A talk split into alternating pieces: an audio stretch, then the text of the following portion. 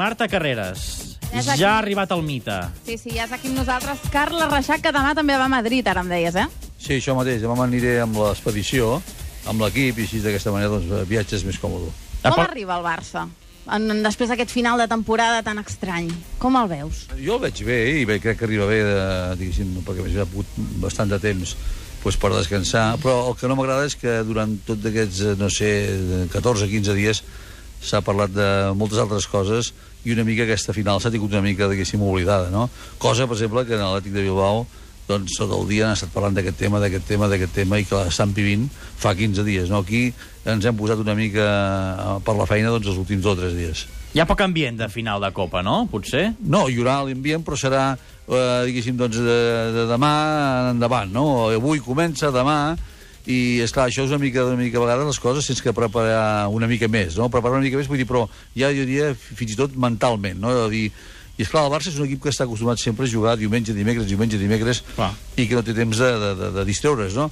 Uh, aquest impàs de 14-15 dies que el Barça, doncs, uh, un aquí, dos dies d'allò, ara entrem a la tarda, entrem al matí, doncs, home, no vull dir buscar excuses, perquè crec que el Barça és el, és l'equip favorit i el que té que guanyar, però vull dir, fa doncs, que algun uh, digui, eh, que encara no s'acaba la temporada, no? perquè davant la sensació d'aquesta temporada ja s'havia acabat. Els entrenaments també han sigut diferents. Si haguessis tingut a Bielsa d'entrenador amb tantes càrregues físiques com els hi ha fet fer, què, què li haguessis dit? Home, jo crec que precisament si una de les coses que té l'Atlètic de Bilbao, vaig al punt de vista, és que per jugar bé a futbol doncs, té que fer una despesa física molt important, no? I jo diria que aquest any ha fet partits sensacionals, contra, per exemple, la, contra el Chelsea, ai, contra el Chelsea, contra el Manchester i companyia, però eh, acte seguit, el diumenge següent a la Lliga, doncs ha punxat, o sigui que és un equip que per jugar bé, vaig al punt de vista, en, té que fer un esforç massa important físic, no? El que passa que en aquest partit concretament és un partit aïllat, un partit que fa molts dies que està entrenant i per tant el pot afrontar amb molta, amb, mo- amb molta, amb molta seguretat, no? Però si fossin durant la temporada jo crec que l'Atlètic de Bilbao ho acusa molt, això de jugar dos partits seguits en una setmana. Charlie, si el Barça perdés, entendries que obrissis la porta de l'habitació d'un hotel i els, ve els veiessis bevent cava? Home, vull dir, això diguéssim, eh, bueno, jo sé per on vas, em sembla que això ja va amb segones, Explica-ho, explica-ho. Bueno, això és una vegada una copa eh, que precisament s'havia perdut concretament a Sevilla i després pues, vam demanar aigua i no n'hi havia, i cervesa i no n'hi havia, perquè feia una calor importantíssima. Diu, diu fred només tenim cava. I vam, bueno, vam pujar al cava, ens vam fotre 6 o 7 jugadors, i automàticament, doncs, en aquell moment, eh, l'entrenador va veure que pujaven dues o tres ampolles de cava cap amunt i va dir, cap, cap a quina habitació és això? És que al dir el número de l'habitació se'n va donar compte que era un de nosaltres, no? Hi havia el Martí Virosia, jo, el Marcial, el Rifé, bueno, un grapat, no, el Reina, i total que el que es va presentar allà a la porta va ser l'entrenador amb les copes i ens va fotre les copes pel cap. Va, Qui, quin entrenador era, Charlie? El, el Rinus Mitchells. Home, aquest, a més a més, bo, mal caràcter potser n'hi sobrava i tot, no? Per això et dic, no, això, també una mica, amb aquest aspecte, els entrenadors també han canviat, no? Abans eren molt més, molt més animalots amb aquest aspecte, no? Aniràs a Madrid amb el xiulet. Bueno, jo crec que, per exemple, això també que hem parlat, jo crec que si algú no hi havia caigut o no hi havia pensat, doncs eh, ara eh, n'han fet adonar de dir, bueno, jo què faré, m'entens? No? Jo crec que, torno a repetir, aquesta, en aquesta final s'està parlant de eh, masses coses i, i, diguéssim, i, i a vegades poc de futbol, no? Jo crec que això passarà una miqueta com el que va passar doncs, fa anys quan vam jugar també l'Atlètic de Bilbao i el Barça al camp de València, eh? Te'n recordes que vam guanyar 4-1, em sembla? Sí. I, bueno, doncs va haver eh, un daltabaix, la típica pitada, però bueno, jo crec que això anirà per aquí. El que passa que ara amb aquesta manifestació també de demà i tot aquest tipus de coses, jo crec que a vegades eh, els que pensen, o els que tenen que pensar, pensen amb els peus, no? Perquè eh, jo crec que tot això és, pot propiciar doncs, que hi hagi més problemes i més aldarulls del normal. Quan a tot xiulaven, Charlie, et senties tan ofès i et semblava tan, tan, tan una, una falta de respecte? Com, com, com, com suportaves tu quan anaves pels camps de, del món i et xiulaven? Jo crec que també això és una mica, fot pa, uh, forma part una mica de l'entrenament, no? Vull dir, el primer dia et sobta una mica, el segon ja ho dius no és normal, i a més a més nosaltres ara potser no tant en aquests anys, o en aquestes èpoques, però en aquella època nosaltres, no diria ja a l'estranger, no, si pel resta d'Espanya, doncs de polacos i companyia doncs ho sentíem moltes vegades, i per tant, al final arriba que també t'hi acostumes, i tampoc tens que mirar cap a un altre cantó o fer veure que no ho sents. Jo torno a repetir, és un entrenament també. I si vol també hi està convidat el Charlie Reixac, tot i que m'imagino que els dies de partit, Charlie, deveu tenir feina, eh? Els que aneu amb l'expedició de l'equip. Home, tenim una mica de feina, tenim... Saps per què? Perquè actualment hi ha molts mitjans de comunicació. No. I, i llavors tothom, escolta, fes això, fes l'altre. Dic, escolta, si jo no tinc cap problema de parlar amb un o parlar amb un altre, però també és allò quan posa la ràdio o, quan, o la tele o el que sigui, i sempre et veus a tu mateix i dius, escolta, jo no sentit veure aquest pesat, saps? Que, per tant, és, la feina ens la doneu una miqueta a vosaltres, no? però, però, però a nosaltres pràcticament parlar una mica i explicar quatre historietes tampoc ens costa tant. Perquè tu estàs nerviós abans d'una final, ara que ja no ni, ni jugues ni estàs implicat directament amb, la, amb el tema tècnic? No, jo no, no, no, sí, ara gens, però, però vull dir que, a més a més, quan jugava tampoc era un d'aquests tios que abans del partit em fotia nerviós. Vull dir, el moment precís, ja aquella mica de pessigolletes aquelles a la panxa que et duren doncs, un quart abans de sortir, una miqueta, pensant en el que faràs o el que deixaràs de fer, però quan surts al camp eh, vull dir, ja s'ha oblidat tot. Perquè, a més a més, si, si no és així, val més que et dediquis a una altra cosa. A mi m'agradaria molt preguntar-te, Charlie, ara que et tenim aquí, després de tota la situació que hem viscut amb Tito, que Pep ho ha deixat, tu també vas veure una situació similar. Crec que més que ningú pots imaginar com serà aquesta nova situació per Tito Vilanova. Com és canviar del rol de segon entrenador a primer?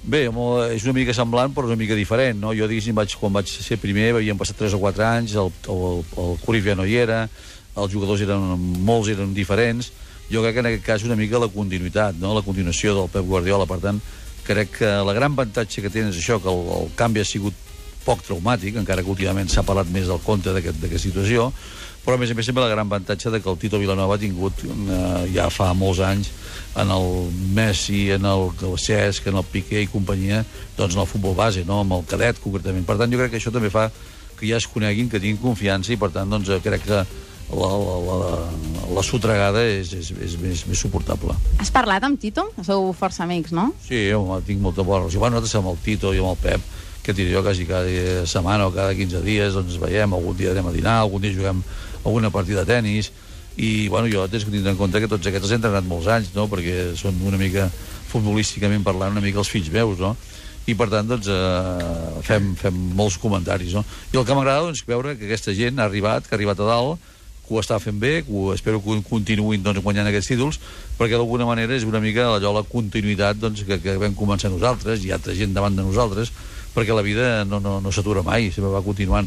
I crec que tothom doncs, no neix ensenyat, però el que sí està claríssim és que de mica en mica una cosa que se'ls ha ensenyat i unes coses que ells ja han posat de la seva, de la seva part doncs, fa que el Barça cada dia jugui millor. Quan vas fitxar, perdona, Garga, sí, quan sí, vas sí. fitxar Tito pel cadet, també vas fitxar-lo amb Jordi Roura. Veus aquesta parella possible com uh, pel primer equip?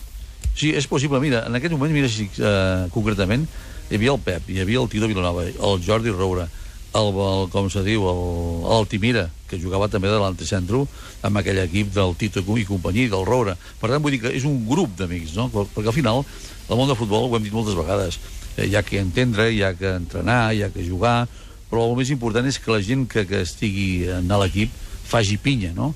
I això és molt complicat de fer I és molt fàcil de dir però és molt complicat de fer i això per fer això doncs, eh, té que ser gent que siguin amics que hagin viscut de petits plegats, que hagin tingut les mateixes inquietuds, i això és la gran avantatge que té el Barça en aquests anys. Deia, deies que has parlat amb el, amb el Tito alguna vegada, el veus allò amb el pes de la responsabilitat a sobre, fins i tot una mica allò superat pels esdeveniments, o el veus molt convençut? Jo veig molt convençut, però és que a més hi ha una cosa a la vida, eh, i que aquí la realitat, el Tito ve d'una enfermetat que, escolta, que, que, que, que es moria, aviam si m'entens, no? I això sí, això sí que és, és, és, és, és fort i complicat. La resta es pot anar fent, no? És un, escolta, és un passucat amb oli, vull dir, quan mires una mica enrere i mires la situació, dius, escolta, aquí, com em tinc que posar nerviós eh, entrenar a Barcelona, amb el que he passat. I això és una mica... Jo conec el Tito, és un tio fred, un tio calculador, i ell ho sap, i a més jo li he dit això, dic, escolta, Tito, això tu ho pots portar perfectament a terme, i el Tito és d'aquesta manera de pensar. Què creus que és el que més li costarà, però? Jo crec que una mica doncs, el, que li va costar al Pep en el començament, que la gent el mirar una mica allò amb lupa, aviam els primers partits si guanya, com juguen, si fa alguna variació, però eh, vull dir, el que està claríssim és que la gent no té que pensar si el Tito és la, la, prolongació del Pep. No, el Tito és diferent al Pep i el que jo crec que continuarà, bàsicament, és el concepte futbolístic, la manera de jugar, la manera d'interpretar el futbol, però vull dir que eh, quan hagi passat, eh, que diria jo, 10 o 12 partits, la cosa tornarà al seu, al seu d'això normal. Ara, en aquests moments, també ja puc dir-te que potser ja en aquests 3 setmanes que s'ha produït aquesta, diguéssim, aquesta notícia, però la gent d'alguna manera ja ho ha assimilat més de mica en mica, més de poc a poc, no? I per tant jo crec que això també pot ser positiu. Doncs el Charlie Reixac, que ens dona tranquil·litat, que ens dona esperança. Marta, tens un test pel Charlie, també? Sí, sí, intentarem que no es cansi gaire, però li farem, li farem.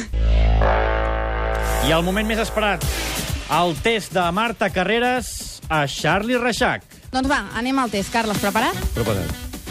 Quin és el millor moment que t'ha permès viure al Barça? Pues, sens dubte, el dia del meu debut, l'any 65, el somni de la meva vida és a fer realitat. D'on ve això de correres de cobardes? Pues això un dia en una roda de premsa que m'atacaven molt, que si Gandul, que si no sé quantes, i jo, amb allò que havia llegit a vegades en els llibres, això de mica de, de guerres, i això deia, escolta, que corres de covardes, i, i em va sortir així, i, i, i ja s'ha quedat per la, pels segles dels segles. Què t'indigna? Pues que en aquest eh, país no passa mai res, que, que el que fa no la paga. Això m'indigna moltíssim. Què tornaries a signar en un tovalló de paper si fes falta? Home, en aquests moments, doncs, potser, eh, no sé, que el Messi acabés la vida esportiva aquí a Barcelona. De Cruyff, el que em molesta més és... Home, que a vegades pots una mica massa impulsiu. Què li respondries a Mourinho si et preguntés per què? Diria, per què a vegades quan eh, la vida es pot canviar tant, no? Si veus les declaracions que es feia quan estava aquí amb el Robson, a les que fa ara, vull dir, per què un pot canviar tant?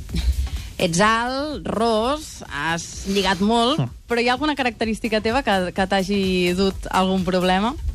No, jo a vegades ho explico, que a vegades un dia el Pujol, que jugava amb mi a futbol, em diu, escolta, tu, Reixac, si no fos per aquest nas que tens, series un tio bastant, bueno, guapot, una mica, però clar, aquest nas fa una mica.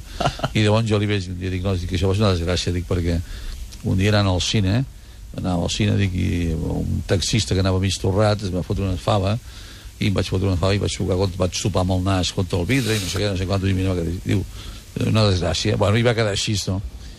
I al cap d'un mes, un mes i mig, veu meu pare a buscar-me un entrenament i meu pare diu un nas més gros que el meu, saps? Que, i em diu, hola, m'estàs prenent el pèl, que això del nas, que el teu pare... Dic, no, és que meu pare també anava amb el taxi, també, va, amb els accidents. Saps? què? I a partir d'aquí són aquelles anècdotes que han durat tota la vida, també. Si Charlie Reixac es lleva ben d'hora, ben d'hora, ben d'hora, ben d'hora...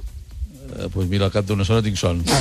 I per acabar, pots invitar-me al teu personatge al Cracòvia? Sí, home. Charlie, oh! no, no, vull dir, jo només amb el Charlie, però hi ha molta gent que em diu sempre, escolta, per què no imites en el de, el de Cracòvia? Dic, no, no, que molts nens m'ho diuen, eh? I dic, no, és que els que m'imiten és a mi. El, jo exactament, la veu meva, no, no la sento, m'entens? O sigui, no sé exactament si m'assemblo o no m'assemblo, encara que explico també aquesta anècdota un dia, un diumenge d'aquests que, que repeteixen les, el, el programa doncs, el diumenge al matí, em sembla que és el dissabte al matí, un dia està la meva neta que té 3 anys, surto jo allà, bueno, i dic, escolta, eh, dic, Ainara, qui és aquest que hi ha a la, a la, a la televisió? Aixeca la vista i diu, l'avi. Clar, llavors vaig pensar, potser sí que m'assemblo més, del que, eh, vull dir, vaig quedar ja, de, de, diguéssim, desmuntat. Vull dir que es veu que m'assemblo bastant, per lo que veig. Doncs et deixem marxar, que demà has d'anar a Madrid. Una, una porra del que passarà. Què farà el Barça? Jo crec que guanyar, guanyarà, patirà una mica la primera part, perquè físicament l'Atlètic Bilbao, doncs, eh, físicament estan forts, però després la segona part crec que el Barça imposarà amb certa facilitat. Doncs moltes gràcies, Charlie. A vosaltres.